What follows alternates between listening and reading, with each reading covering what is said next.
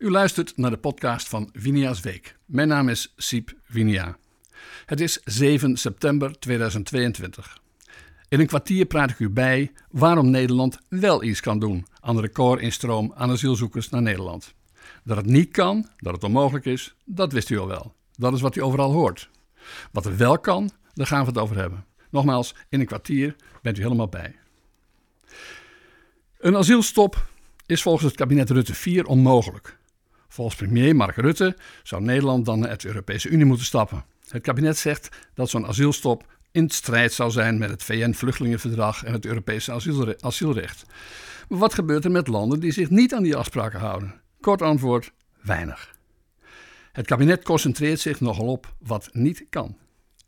Asieladvocaten, activisten, BN'ers en academici vinden of dat er geen instroomprobleem is, of beweren dat Nederland maar te accepteren heeft dat Aziaten en Afrikanen zich in grote getalen als asielzoekers in Nederland melden. Die opvatting, die opvatting wordt overigens niet gedeeld door de meerderheid van Nederlanders. Driekwart zou de voorkeur geven aan een al dan niet tijdelijke asielstop. Alleen de aanhang van de linkse partijen, die van de SP trouwens uitgezonderd, vinden in meerderheid zo'n asielstop niet nodig. Ook daarom dringt de vraag zich op: als dat kennelijk niet kan, zo'n asielstop, wat kan er dan wel? Reden genoeg om daarover na te denken. De stroom asielzoekers naar Nederland evenaat sinds vorig jaar zomer met meer dan duizend asielaanvragen per week immers de records uit het crisisjaar 2015. Toen was dat voor Rutte en de toenmalige Duitse bondskanselier Angela Merkel reden om miljarden euro's aan Turkije te betalen om asielzoekers daar te houden. Dus wat kan Nederland wel doen om minder asielzoekers aan te trekken en meer asielzoekers weg te sturen? Nick Ottens vond voor mijn weekblad Vinias Week 13 maatregelen. Sommige kunnen snel, andere kosten wat meer tijd, maar het zijn allemaal maatregelen die wel soelaas bieden. Ten eerste, Scheer niet alle asielzoekers over één kam. Andere Europese landen maken onderscheid tussen asielzoekers, die vrezen voor geweld of vervolging in hun thuisland, en vluchtelingen. De eerste krijgen doorgaans een verblijfsvergunning van 1 of 2 jaar, de laatsten van minstens 3 jaar. Nederland heeft dat onderscheid losgelaten omdat afgewezen asielzoekers dikwijls een tweede aanvraag deden als vluchteling of vice versa en daarmee hun procedure rekten.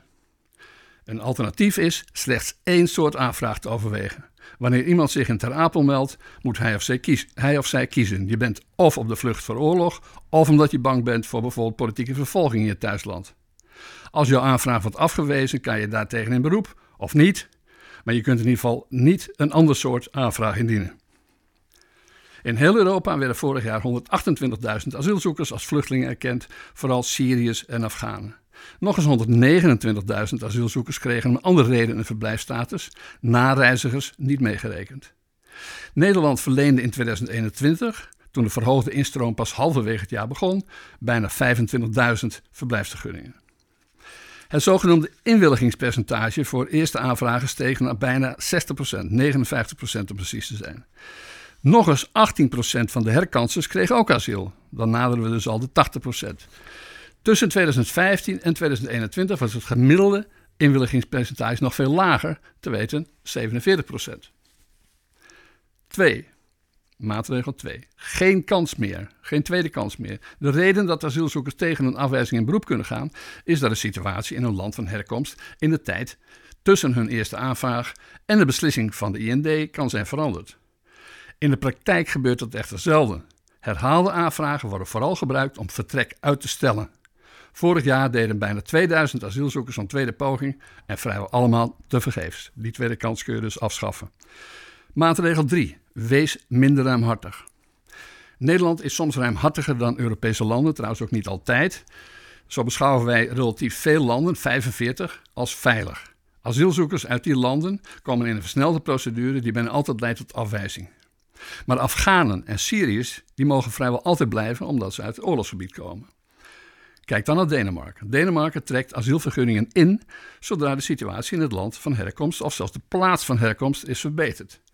Zo stuurde Denemarken in 2019 1200 Syriërs uit Damascus terug, omdat in die stad niet meer werd gevochten. Wie in Nederland de asielstatus krijgt, mag in de praktijk voor het leven blijven. Na vijf jaar verblijf mogen statushouders de Nederlandse nationaliteit aanvragen. In, Nederland, eh, sorry, in Denemarken is dat acht jaar. Maatregel 4. Handhaaf het verdrag van Dublin. In principe moeten asielzoekers asiel aanvragen in het eerste Europese land waar ze binnenkomen. Die afspraak is in 1990 in Dublin gemaakt. De niet-EU-landen Noorwegen en Zwitserland doen ook mee. Denemarken niet. Dat EU-land heeft op een aantal gebieden, zoals migratie, een opt-out binnen de Europese verdragen bedongen. Het Dublin-systeem stortte in 2015 in toen Griekenland en Italië stopten met het registreren van asielzoekers. En die liepen dus allemaal door. En Duitsland, eh, Merkel zei toen weer schaffendas, eh, die, eh, daar gingen ze de asielaanvraag in behandeling nemen, eh, los van de vraag of ze al in andere landen waren geweest.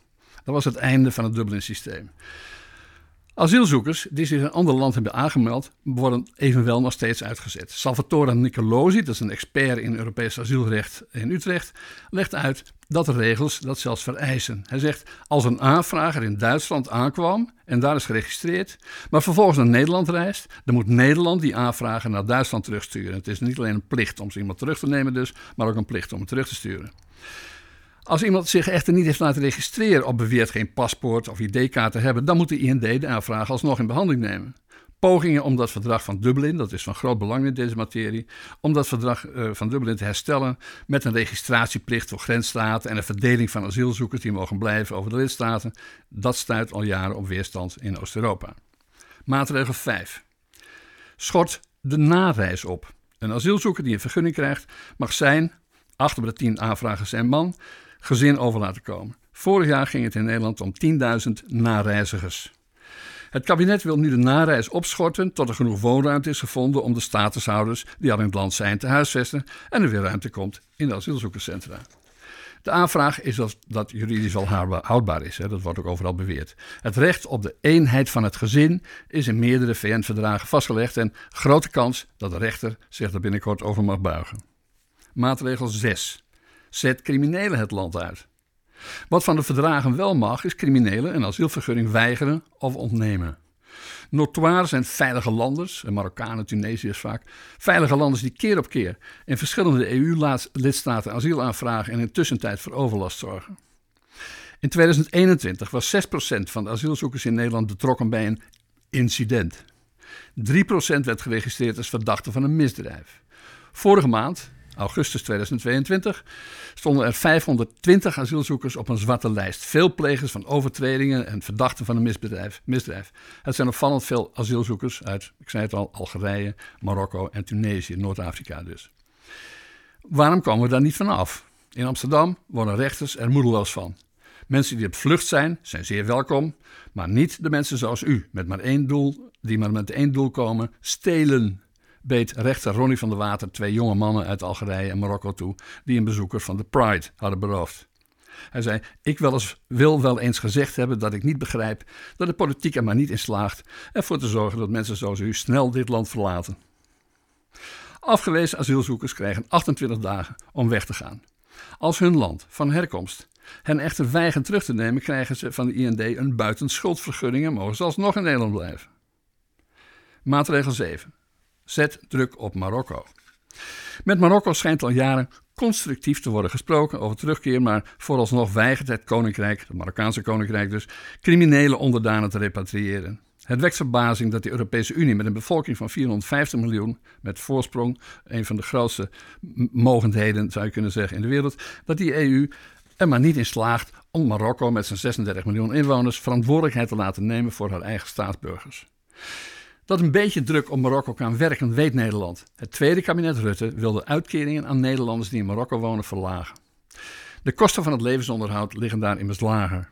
Er gold een verdrag uit 1972 op basis waarvan dat niet mocht. De Marokkaanse regering weigerde dat verdrag te heronderhandelen. Lodewijk Asscher van de PvdA, die was toen minister van Sociale Zaken, die dreigde dat verdrag op te zeggen. Om zijn dreigement kracht bij te zetten, bereidde hij daar een wet toe voor. Toen wilden de Marokkanen eens wel praten. Er kwam een nieuw verdrag.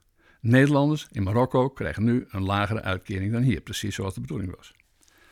8. Maatregel 8. Meer controle op het uitzetten.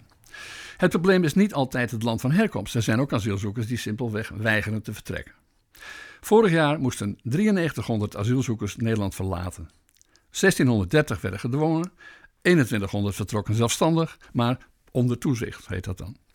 Meer dan de helft, 5600, zou vertrokken moeten zijn, maar een deel daarvan woont ongetwijfeld nog steeds in Nederland, mogelijk op straat.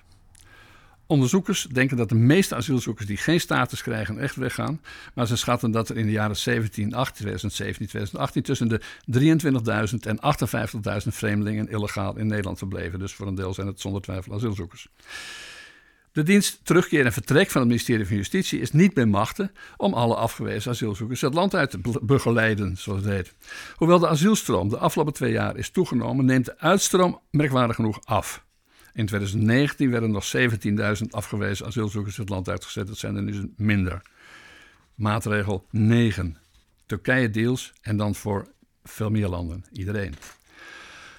Om de instroom van Syrische vluchtelingen te reguleren, maakte Europa in 2016 een afspraak met Turkije, de zogenaamde Turkije-deal van Merkel en Rutte.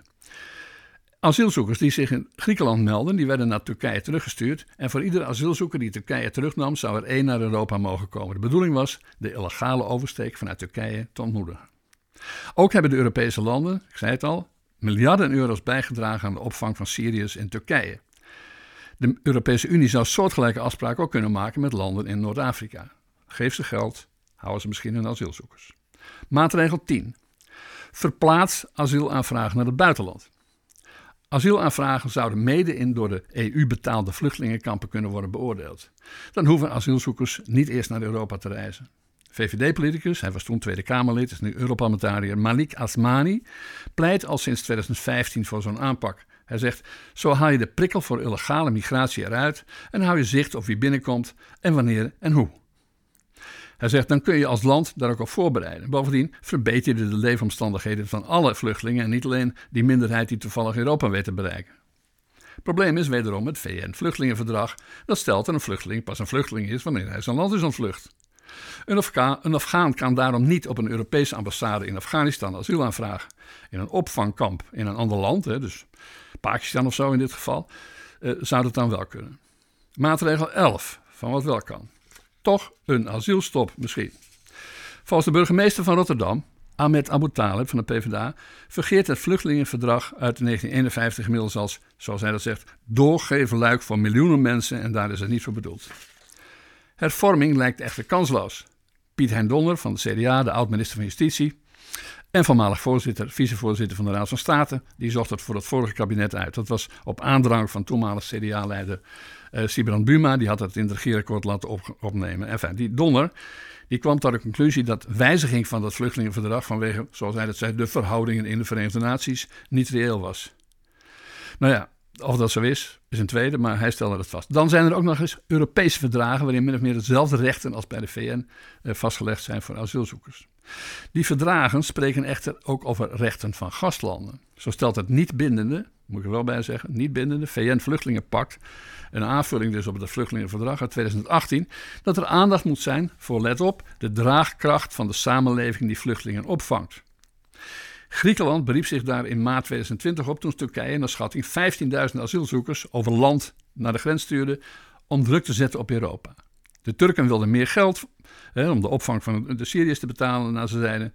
En Griekenland kondigde een asielstop van een maand af. De Europese Commissie die sprak strenge woorden daarover, maar deed niets. Asielexpert Nico Lozi, die ik al eerder aan liet, die wijst erop dat de, commissie, de Europese Commissie wel actie ondernam tegen Hongarije. Dat land heeft formeel geen asielstop, maar dat maakt asiel wel op tal van manieren moeilijk. Asielzoekers moeten zich melden in een transitzone aan de grens, waar ze ook een beslissing moeten afwachten. Hulpverlening aan asielzoekers is daar een misdaad. De Hongaarse maatregelen hebben het gewenste effect, het voor Hongarije gewenste effect gehad. In 2015 had Hongarije nog het hoogste aantal asielaanvragen per hoofd van de bevolking. Dat vergeten we wel eens, maar dat was dus de grootste aantrekkingskracht van, van Europa op dat moment, Hongarije. Inmiddels is het letterlijk en figuurlijk de hekkensluiter van, van de EU. En dan rekenen de Oekraïnse vluchtelingen natuurlijk niet mee, want die hoeven geen asiel aan te vragen. Het Europese Hof gaf de Europese Commissie gelijk. Hongarije hield zich niet aan de verdragen. Maar de lidstaten van de Europese Unie die zijn vooralsnog niet bereid geweest daar sancties aan te verbinden. Dus de gevolgen van het niet houden aan zo'n verdrag, aan de afspraken, dat, die zijn vooralsnog stellen niet veel voor. Maatregel 12. Stel jaarlijks een kwotum vast. Australië en Canada hebben het vluchtelingenverdrag van de VN ook ondertekend, toch zetten zij die grens, hun grenzen niet wagenwijd open. Beide landen stellen aan het begin van het jaar vast hoeveel immigranten, waaronder asielzoekers, ze bereid zijn om op te nemen. Australië gaat dit, uh, biedt dit jaar plaats aan 160 kennis- en gezinsmigranten en 13.000, ruim 13.000 vluchtelingen. Canada rekent op iets meer dan 430.000 nieuwe inwoners, maar dat zijn dus alle categorieën, inclusief asielzoekers. Ankie Broekers-Knol van de VVD, die eerdere staatssecretaris van Asiel en Immigratie, niet de meest succesvolle overigens, maar goed, die opperde in 2019 het voorbeeld van Australië en Canada te volgen. Ze zei, je moet erover praten, want het systeem loopt vast en het draagvlak verdwijnt. Dat had ze goed zien. Die voorspelling is er uitgekomen, alleen dat kwotum is er nooit gekomen. Maar dat zou dus eventueel kunnen. 13. Ten slotte, anders dan misschien dan toch een opt-out. VVD-leider Mark Rutte uh, tijdens de verkiezingen van 2012 uh, op, uh, pleit hij nog voor een opt-out om af te kunnen wijken van de Europese immigratieregels, onder meer voor gezinshereniging. Zo zouden gezinsmigranten die niet aan hun inburgerseisen voldoen kunnen worden uitgezet. Dat druist in tegen het Europese Verdrag voor de Rechten van de Mens. Een opt-out of uitzonderingspositie binnen de Europese Unie, die moet bij verdrag worden geregeld. En met zoveel crisis, eh, op het bord, nu asiel, energie, inflatie, Oekraïne, staan veel Europese landen niet te springen om lange verdragsonderhandelingen in te gaan. Maar de Franse president Macron die bepleitte het eerder dit jaar wel. En die werd losjes gesteund door de Duitse en de Italiaanse regeringsleiders. Het kabinet Rutte 4 dat staat vastgelegd, is vastgelegd in het eh, coalitieakkoord. Dus het huidige kabinet, het huidige coalitieakkoord staat dat Nederland dergelijke verdragsonderhandelingen zou steunen. Dus dan worden de Europese verdragen opengebroken. Nederland is niet het enige land dat eventueel noten op zijn zang heeft als het tot een herziening van het Europese verdrag van Lissabon komt. Frankrijk, Italië en Spanje willen bijvoorbeeld het Stabiliteits- en Groeipact voor de euro wijzigen om de strenge begrotings- en schuldennormen los te laten. Nederland verzette zich daar in het verleden tegen, maar heeft de laatste jaren de deur op een keertje gezet. Wellicht is daar een uitruil mogelijk. Zij slappe begrotingsregels, wij strenge asielregels. U luisterde naar een podcast van Winia's Week. Mijn naam is Sivinia. De basistekst van deze podcast was van Nick Ottens. De techniek werd verzorgd door Denis Heersema van Studio Jisp en door Eileen van Arkel. Winia's Week verschijnt twee keer per week als online weekblad en ook als video en als podcast, zoals u net hebt beluisterd. U kunt zich op al die verschijningen van Winia's Week abonneren. Dat kost helemaal niets. Dat wordt allemaal mogelijk gemaakt door de donateurs van Winia's Week. We stellen het uiteraard erg op prijs als u niet alleen abonnee, maar ook donateur wordt. U bent van harte welkom. Klik winiasweek.nl en u doet mee. Tot Winia's Week.